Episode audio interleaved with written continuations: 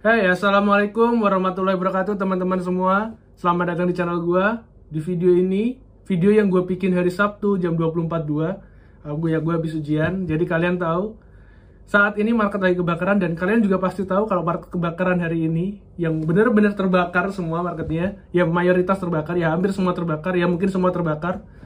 Ya, kita mau ngomongin cryptocurrency. Jadi gue bakal sharing soal uh, koin-koin apa yang saat ini gue hold, berapa persentase dari masing-masing koinnya, kemudian gimana sih sebenarnya selama setahun ini gue udah megang koin-koin itu, koin mana yang paling lama gue pegang dan koin mana yang yang bikin gue banyak belajar, gue bakal sharingin di sini. Jadi kalau kalian mau tahu uh, dan mau masuk ke koin atau mau ke kripto, kalian harus tahu nih, jangan sampai kalian ngalamin kesalahan-kesalahan yang gue udah lakuin sebelumnya. Jadi gini, Uh, awal mulanya gue tahu koin atau cryptocurrency atau token juga mungkin koin token cryptocurrency whatever apa pun kalian mau bilang walaupun koin sama token itu sebenarnya beda karena yang satu ada blockchainnya yang satu cuma nempel di blockchain yang lain. Di tahun-tahun itu di tahun-tahun awal mungkin gue udah setahun ya setahun ke belakang gue masuk ke situ. Uh, gue juga belajar beberapa investasi yang lain jadi gue dalam setahun ini sebenarnya banyak belajar walaupun mungkin gue banyak ngerasain rugi dibandingin untung tapi it's okay nggak apa-apa karena belajar itu emang kadang kita harus ngelasain sendiri rugi-rugi sendiri baru kita percaya dibandingkan kita cuma dengar omongan-omongan orang. Tapi kalau kalian bisa menghindari kerugian kenapa enggak? Jadi gini di awal-awal itu gue masih ingat harga Ethereum ETH ETH itu masih di harga 14 sampai 19 juta 500 pada waktu itu. Ripple masih di harga 6000 Bit, oh, Bitcoin Cash itu masih di harga 5 juta. Jadi kalian mungkin bisa mengira-ngira lah kira-kira tahun-tahun apa waktu itu gue mulai masuk di saat itu gue ngerasa Ethereum udah udah udah koin yang mahal gitu. Dengan supply yang tidak terbatas koinnya harganya udah 14 juta. Gue nggak tahu ada mekanisme burning gue nggak ada mekanisme-mekanisme yang lain. Jadi gue cuma ngerasanya itu mahal dibandingin koin-koin yang lain. Gue pernah bilang bahkan waktu itu Bitcoin masih 420 juta. Dan nilai tertingginya masih 550 bandingin sama sekarang yang nilai terendahnya saat ini aja di 680 juta. Jadi masih lebih murah gitu. Nah pada waktu itu gue ngerasa kayak ah mahal nih ah mahal nih gitu kan. Jadi nggak nggak masuk nih gue nggak nggak kayaknya udah nggak bisa lebih mahal lagi. Karena emang pengalaman gue dangkal banget. Jadi gue kurang research gue kurang kurang belajar lagi dan gue cuma akhirnya ikutan FOMO. Nah dari sinilah FOMO inilah yang akhirnya gue masuk ke dalam cryptocurrency. Pada waktu itu gue pertama kali FOMO adalah karena Doge ya. Karena Doge kemudian Shiba jadi koin-koin anjing ini adalah koin-koin yang pertama kali gue pegang pada waktu itu. Dan gue rugi ya saat itu jadi pertama kali waktu itu gue pakai Indodax gue pakai Indodax gue beli koin Doge di harga kurang lebih 900 rupiah waktu itu yang harganya kemudian mencapai puncak di kisaran 1200 atau berapa. Kemudian server dari Indodax maintenance yang akhirnya gue nggak bisa jual tuh. Karena gue pada waktu itu pengen cepet kan pengen pengen dapat duit cepet dan ketika servernya udah oke okay lagi harga dotsnya udah turun gitu. Bukan lagi harga 1200 tapi udah harga 800 700 600 dan akhirnya gue cut loss. Nah dari situlah gue gue ngerasa kalau dan akhirnya gue sadar waktu sekarang kalau itu adalah mental judi yang gue terapin di cryptocurrency. Jadi gue cuma pengennya mental judi gue pengen dapet multiply kenceng gue pengen dapet duit banyak tapi gue nggak tahu sebenarnya yang koin yang gue pegang apa koin yang gue beli apa fundamentalnya apa terus bagaimana orang-orang di belakangnya projectnya white papernya apa gue nggak pernah lihat gitu. Sedangkan sekarang uh, tidak semerta-merta gue udah belajar ya. Bukan berarti gue udah belajar banyak gitu. Cuma gue lebih kayak gue lebih bisa maintain aja sih. Misalnya kayak sekarang market lagi kebakaran gue relatif lebih santai dibandingkan sebelum-sebelumnya gitu. Kalau dulu gue udah aduh 20% 30% bayangin aja. Maksudnya kalian koreksi uh, koin kalian 30% sedangkan pada sisi lain koin kalian bisa ngerasain 100, 200, bahkan 1000, 2000, 3000, bahkan 10.000 persen dari koin ketika dia baru rilis gitu. Tidak ada yang tidak mungkin di cryptocurrency. Jadi kalau kalian siap untuk untung untung-untungan banyak gitu, misalnya 100%, 200%, kalian juga harus siap buat rugi banyak gitu. Dan mungkin saat yang sekarang adalah saat yang tepat untuk kalian uh, average down dikit-dikit gitu beli koin dengan harga lebih murah beli koin dengan harga lebih murah tapi kalian juga tetap harus diversifikasi di investasi yang lainnya jangan kalian habisin di satu koin aja atau di atau di satu uh, tipe investasi cryptocurrency aja gitu kalau menurut gue sih jadi setelah Doge waktu itu apakah gue langsung belajar? Oh tentu tidak gitu. Jadi jangan dikira pembelajaran itu bisa sekilas itu ya, secepat itu gitu. Gue langsung, wah gue langsung rugi nih, aduh gue gak boleh kayak gini. Gue enggak, gue berulang lagi di Siba. Jadi sama aja lagi-lagi Shiba gitu. Gue masukin ya kan? Eh, nggak uh, tahu gue untung apa rugi. Untung gue untung. Cuma untungnya dikit. Nah di, di sisi itu gue langsung kayak ngerasa gue sell kecepatan waktu itu. Nah jadi kan di sini kayak kayak karena gue nggak nggak apa ya gue nggak netapin gue tuh bakal ngambil untung di berapa gue bakal take profit di berapa gue bakal di cut di berapa.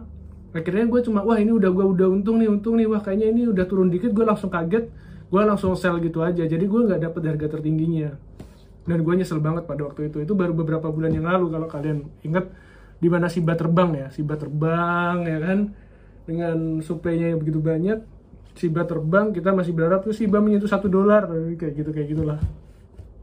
Yang ya impian-impian mungkin impian duit satu juta bisa jadi 500 juta itu dari situ salah satunya. Jadi siapa tahu mungkin duit satu juta atau 5 juta gue bisa buat beli Pajero kan? Nggak perlu ikut MLM kan? Kayak sebelah sebelah ya kan? Yo yo yo yo kan? Kalian mau dapat Pajero kalian bisa main kripto kan gitu. Tapi nggak itu itu jangan maksudnya bolehlah kita uh, pengen untung dari kripto pengen untung banyak dari kripto tapi juga jangan jadikan mental judi lah. Karena ya gimana ya bagaimanapun juga judi itu kan ya ya ya gimana? Judi itu kan win win loss win loss win loss gitu kan. Jadi ya kalau gue sih sekarang lebih ke dollar average down gitu. Jadi kalau gue ada duit gue masukin gue beli koin yang relatif lebih murah dari waktu yang gue beli. Dengan harapan ya suatu saat mungkin gue bisa uh, dapat mining atau rata-rata dari koin gue lebih murah dibandingkan sebelumnya. Oke? Okay? dari situ akhirnya uh, gue mulai nih netepin koin-koin apa yang mau gue pegang akhirnya. Ada beberapa koin yang mungkin orang bilang koinnya sideways terus ya gitu. Kayak Cardano itu gue pegang dan mayoritas yang gue pegang adalah Cardano. Ada itu kurang lebih uh, sekitar 30% dari alokasi gue itu ke Cardano ke ADA.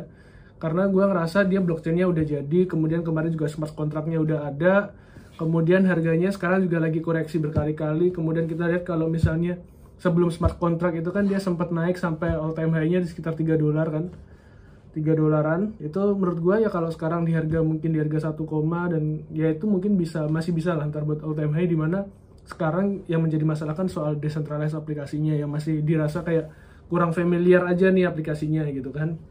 Kemudian selain dari Cardano gue juga megang Stellar XLM tapi ini porsinya paling dikit. Stellar nih gue cuma megang mungkin untuk portofolio gue mungkin gak nyampe 10% karena uh, eh, gue masih belum tahu ya maksudnya dia tuh termasuk transaksinya volume transaksinya itu kecil gitu. Jadi susah kayaknya buat dia tuh mendapatkan gain yang cepat gitu. Maksudnya harganya relatif stabil. Karena ya volumenya cuma segitu-segitu aja gitu.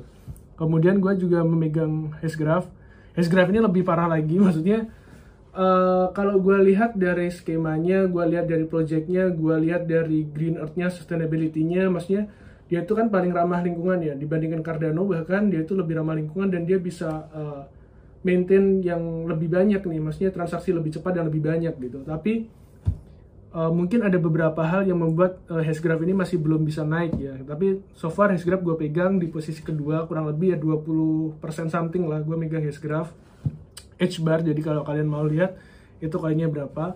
Kemudian kemarin gue sempat pegang Matic uh, Polygon Matic itu sempat gue pegang kemudian gue sell kemarin ketika harganya di 2,1 2,1 dolar. Gue beli di kisaran 1,8 sampai 1,6 gitu. Jadi waktu kemarin sempat koreksi di 1,6 1,5 koma nah gue beli di 1,6 dan 1,8 terus waktu kemarin naik di 2,1 gue sell kemudian gue diversifikasi, apa, diversifikasi lagi jadi dua koin yaitu sekarang gue megang ada Cardano yang gue tambahin kemarin. Jadi porsi Cardano gue nambah sama yang satu lagi adalah koin yang Chainlink. Chainlink. Kenapa kalau gue ngambil Chainlink? Ya Chainlink ini adalah koin dengan jumlah koin uh, yang tidak terlalu banyak tidak terlalu besar Chainlink. Dan menurut gue memiliki harga yang relatifly masih murah. Dan kemudian untuk masa depan atau ke depannya mungkin dia memiliki prospek yang lebih bagus. Tapi ini gue masih dalam riset makanya gue nggak berani all in di Chainlink. Jadi gue saat ini megangnya Cardano, Hashgraph, Chainlink sama Stellar jadi ada empat koin itu dan hari ini kalau kalian tanya apa tanggapan gue soalnya market yang lagi kebakaran segala macam, bukannya gue malah narik duit gue, bukannya gue malah cut loss. Walaupun sebenarnya uh, buat orang-orang yang berpikiran trading segala macam itu harus berani buat cut loss ya karena gue nggak trading gue investing gue bakal ngambil mungkin di 3 atau 4 tahun ke depan baru gue ambil duitnya atau gue take profit gitu kalau enggak ya duitnya bakal gue putar di situ gue take profit dikit gue diversifikasi lagi kayak gitu tapi kalau sekarang sih gue nggak cut loss karena emang gue nggak nggak ya kita investasi bukan buat rugi jadi ya kayak gitulah kemudian uh, saat ini saat ini kenapa kok gue ngambil channeling ya karena mungkin prospeknya bagus gitu. Stellar paling dikit karena gue masih belum tahu gue bakalan top up lagi apa enggak. Dan kalau tangkapan gue hari ini, gue masukin lagi kira-kira 10% dari total yang udah gue pernah masukin. Gue tambahin lagi portofolio gue 10% dari yang udah pernah gue masukin. Jadi gue lagi ngantri Matic lagi. Jadi kemarin karena gue udah jual Matic gue, Polygon Matic gue udah gue jual kemarin di harga 2,1. Sekarang gue ngantri ya dalam tanda kutip gue berarti berharap marketnya masih tetap terbakar sampai besok atau lebih sampai metik gue kejemput gue uh, set di 1,5 mungkin 1,5 jadi uh, lebih rendah daripada waktu gue beli yang sebelumnya tapi kalau misalnya gue ngeliat kayaknya trennya dia nggak bakal sampai 1,5 mungkin gue bakalan set di 1,6 gitu. Jadi gue bakal punya metik lagi dibandingkan sebelumnya. Mungkin kayak gitu karena volume transaksi metik ini termasuk besar ya. Bahkan dibandingin Cardano, Edgegraph, kemudian Stellar, kemudian ya mungkin sama Luna Terra itu lumayan imbang-imbangan gitu. Kemudian Luna ini sempat tertarik sih buat masuk cuma mungkin karena emang waktu itu nggak ada uangnya nggak ada pelurunya jadi nggak masukin udah terbang gitu aja gitu. Jadi Luna ini salah satu yang kelewat juga. Tapi kalau misalnya Matic ini adalah salah satu koin yang emang gue percaya bakalan bagus ke depannya. Jadi gue emang beli di harga murah. Tapi waktu kemarin harga tinggi lumayan ya udah gue ambil gitu aja. Gue jual terus gue akhirnya diversifikasi untuk koin-koin yang lain. Karena gue ngerasa uh, diversifikasi lebih banyak tapi tidak terlalu banyak itu lebih bagus gitu. Sekarang mungkin gue bakal sharing gimana cara gue ngeliat atau cara gue nentuin pilihan buat koin-koin yang gue uh, gue pilih akhirnya. Selain karena gue lihat dari beberapa channel yang lain apa channel YouTube teman-teman yang lain kemudian gue juga research dari uh, tampilan web, kemudian website isi websitenya lah, isi websitenya dia lebih friendly nggak, kemudian bagaimana konsep ke depannya, white papernya gimana, terus sustainability-nya gimana, apakah dia kan sekarang ini yang menjadi masalah di Ethereum itu adalah salah satu gas fee-nya mahal kan, gas fee mahal, kemudian Bitcoin itu adalah transaksi yang sedikit, kemudian proses kayak uh, miningnya itu kan sangat tidak ramah lingkungan, nah itu kan sekarang menjadi menjadi perhatian. Kalau teman-teman lihat, gue gue gue contohin aja ya. Contohnya kayak kenapa gue milih kayak uh, Cardano misalnya? Gue lihat Cardano dari sini teman-teman. Teman-teman bisa lihat dia market cap ranknya nomor 6 ya kemudian memang trennya selama 60 hari dia sedang minus 37,8% selama 60 hari. Berarti selama dua bulan terakhir. Di, di mana dia selama setahun terakhir dia udah naiknya 732% tetapi kalau kita lihat harga sekarang harga sekarang adalah di sekitar 1,37 sedangkan harga tertingginya di 3 dolar. Jadi menurut gue bukan hal yang tidak mungkin buat dia kembali ke all time high-nya lagi. Karena banyak beberapa koin yang udah kita bahas ataupun kita pegang mungkin itu all time high-nya dia naik terus gitu dia mencapai all time high baru, all time high baru, all time high baru. Bahkan kayak kemarin Matic itu kan digadang-gadang buat mencapai all time high barunya sampai sebelumnya koreksi bareng teman-teman yang lain. Kemudian di sini juga kita lihat nih total supply-nya ada 45 billion berarti 45 miliar gitu dengan ada 32,1 billion nah itu menurut gue udahlah kalau menurut gue pribadi adalah batasan maksimal adalah 50 billion buat koin yang yang gue pegang available supply-nya adalah 50 karena terlebih selebih dari itu akan susah untuk uh, meningkatkan apa ya cap marketnya. Kayak kemarin misalnya kita ngomongin Shiba Inu. Shiba Inu itu kan kalau kita lihat kita cek Shiba Inu. Shiba.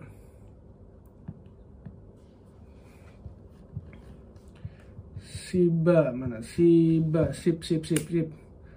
Oke kita lihat Shiba Inu misalnya seperti biasa koneksi tidak terlalu baik. Jadi kalau gue lihat Shiba Inu misalnya orang-orang berpikiran bahwa Shiba Inu bisa mencapai satu dolar ya kan? Shiba Inu bisa mencapai satu dolar tapi teman-teman lihat di sini. Total supply-nya itu bahkan sampai satu juta billion satu miliar satu juta miliar seribu triliun as gitulah ya kan? Gede banget gitu loh seribu triliun gitu. Jadi susah kalau dia mau kapasitasnya sampai satu per satu koinnya itu sampai satu dolar itu mau berapa kali market capnya bitcoin gitu. Itu kan itu kan hal yang yang sebenarnya halu ya. Jadi kayak ya kita mungkin harus pinter-pinter ngitung lah. Mungkin kita lihat harganya cuma 0,0000 berapa dolar gitu. Tapi kan kalau misalnya kita lihat available supply-nya kan gede banget gitu. Kita lihat di sini. Walaupun harga tertingginya kita lihat harga tertingginya. Harga tertingginya adalah nih 0,000086 dan sekarang 0,0036 berarti kan ya setengahnya aja nggak nyampe gitu. Jadi mungkin banyak orang-orang yang berpikir kayak Shiba ini bagus gini gini gini. Ya gue nggak nggak ngejelek-jelekin Shiba juga. Gue pernah masuk di dalamnya. Tapi kalau gue pribadi sebagai sudut pandang gue sebagai preferensi pribadi gue gue bakal ngambil koin-koin yang lebih supply-nya lebih dikit lah. Walaupun oke okay, Shiba burningnya mungkin banyak kayak Ethereum yang dia available supply-nya malah unlimited tapi kan burningnya banyak. Nah bedanya kalau misalnya Ethereum Ethereum itu uh, konsepnya udah bagus gitu. Ekosistemnya udah terbentuk kemudian juga kayak misalnya kalau teman-teman lihat uh, udah banyak di app centralized segala macam lah decentralized segala macam itu yang udah menggunakan jaringan daripada Ethereum itu sendiri. Sedangkan kalau Shiba ini konsepnya masih berbeda. Mungkin butuh beberapa tahun lagi untuk Shiba bisa mau develop seperti Ethereum. Mungkin bahkan mungkin jauh lebih lama dari perkiraan kita. Sehingga mungkin lebih bijak untuk kita uh, apa ya masukin atau kita investasi pada koin-koin yang sekarang ini lebih lebih jelas white papernya bukan koin-koin meme. Karena ya koin-koin meme adalah koin-koin yang sebenarnya niatnya pertama adalah untuk untuk bercandaan aja. Untuk bahkan Dogecoin itu dibuat untuk mengejek Bitcoin pada waktu itu gitu. Sedangkan kalau sekarang coba uh, Matic kita lihat Matic. Kenapa Matic uh, menarik menurut gua? Matic Matic Matic. Polygon Matic kalian bisa lihat ya kalau Polygon Matic di sini uh, market cap ranknya 16 itu termasuk ya udah 20 besar. Kalian tau lah kalau market cap rank yang udah tinggi itu berarti kan udah banyak juga yang uh, percaya dan udah banyak yang megang juga. Market cap ranknya gitu. Nah kalau kalian lihat di sini available supply-nya total supply-nya cuma 10 billion. Ini seperlima dari uh, Cardano ya. Car uh, nggak nyampe seperlima. Maksudnya lebih dari ya nggak nyampe seperlima Uh, jadi gimana ya kalau kalau Cardano kan 45 sedangkan ini cuma 10 gitu. Jadi cuma 1 per 4,5 gitu. Nah kayak gitulah. Itu kalian bisa bisa pikirnya kayak gitulah. Sedangkan all time high nya 2,62 nah kemarin itu sempat ada di posisi tertingginya itu di 2,22 2,2 2,3 lah mungkin. Ya yang digadang-gadang all time high baru tapi masih belum bisa menembus tapi so far itu udah bagus. Jadi kalau gue lihat sih kalau misalnya gue ngeliat dari sini Matic adalah salah satu uh, tempat atau sarana investasi kita yang bagus gitu. Jadi makanya gue ngantri di 1,5 semoga kejemput. Karena gue lihat sebenarnya ini koreksinya termasuk dia termasuk besar ya dibandingkan Bitcoin. Kalau kita bandingin Matic yang 21, 21 persen dibandingkan dengan Bitcoin yang cuma 16,8 persen. Kalau kita lihat Matic di posisi 16 itu 20,8 kemudian kalau kita bandingin bahkan sama Doge juga kurang lebih sama. Tapi kalau dengan Bitcoin di mana kita tuh tahu Bitcoin itu adalah salah satu koin yang ya kalau dia koreksi yang lainan ikut koreksi. Kalau dia naik sendiri belum tentu teman-temannya ikut koin-koin yang lain. Nah kalau gua rasa sih dia termasuk koreksinya besar ya. Karena kemarin juga di saat yang lain koreksi Matic ini malah nanjak sendiri nih, malah ngepam sendiri nih gitu. Nah jadi kalau gua rasa sih Matic it's okay buat buat ke depannya. Nah maka dari itu gua ngambil posisi untuk beli di uh, Matic gitu. Mungkin itu yang gue bisa share sekarang. Yang pasti saat ini kalian jadi tahu koin apa yang gue pegang. Kalau koin yang kemarin gue pegang, gue belum pegang Chainlink pada waktu itu dan gue pegang Matic. Nah kalau saat ini Matic lagi nggak gue pegang, tapi gue berencana buat pegang lagi. Sedangkan sekarang gue ketambahan portonya dengan Chainlink.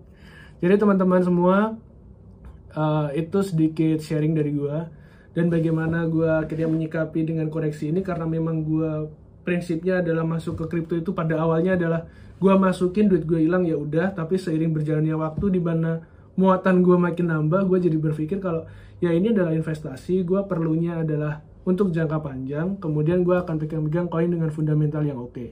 koin yang gue rasa dan koin yang gue percaya untuk itu akan menjadi koin masa depan mungkin banyak teman-teman yang bilang Cardano kok dibeli? Gitu. Ya itu kembali kepada preferensi masing-masing kembali kepada kepercayaan masing-masing karena gue trust gue percaya suatu saat kayak Cardano yang ya mungkin kalau untuk yang penggila Ethereum dibilang Cardano itu adalah ya apa dia mau bilang jadi Ethereum killer lah segala macam. Enggak mungkin kalau gue rasa sih gue mikirnya bakalan suatu saat uh, kita bakalan bakalan ada di satu posisi di mana kayak Ethereum, Cardano mungkin, Hgraph mungkin, kemudian ada beberapa jenis blockchain yang lain itu akan menjadi suatu suatu hal yang umum dan dan dan akan berkembang bersama. Jadi terima kasih teman-teman buat yang nonton sampai video video gue sampai kelar ini. Gue terima kasih banget dan sampai jumpa di video selanjutnya. Goodbye.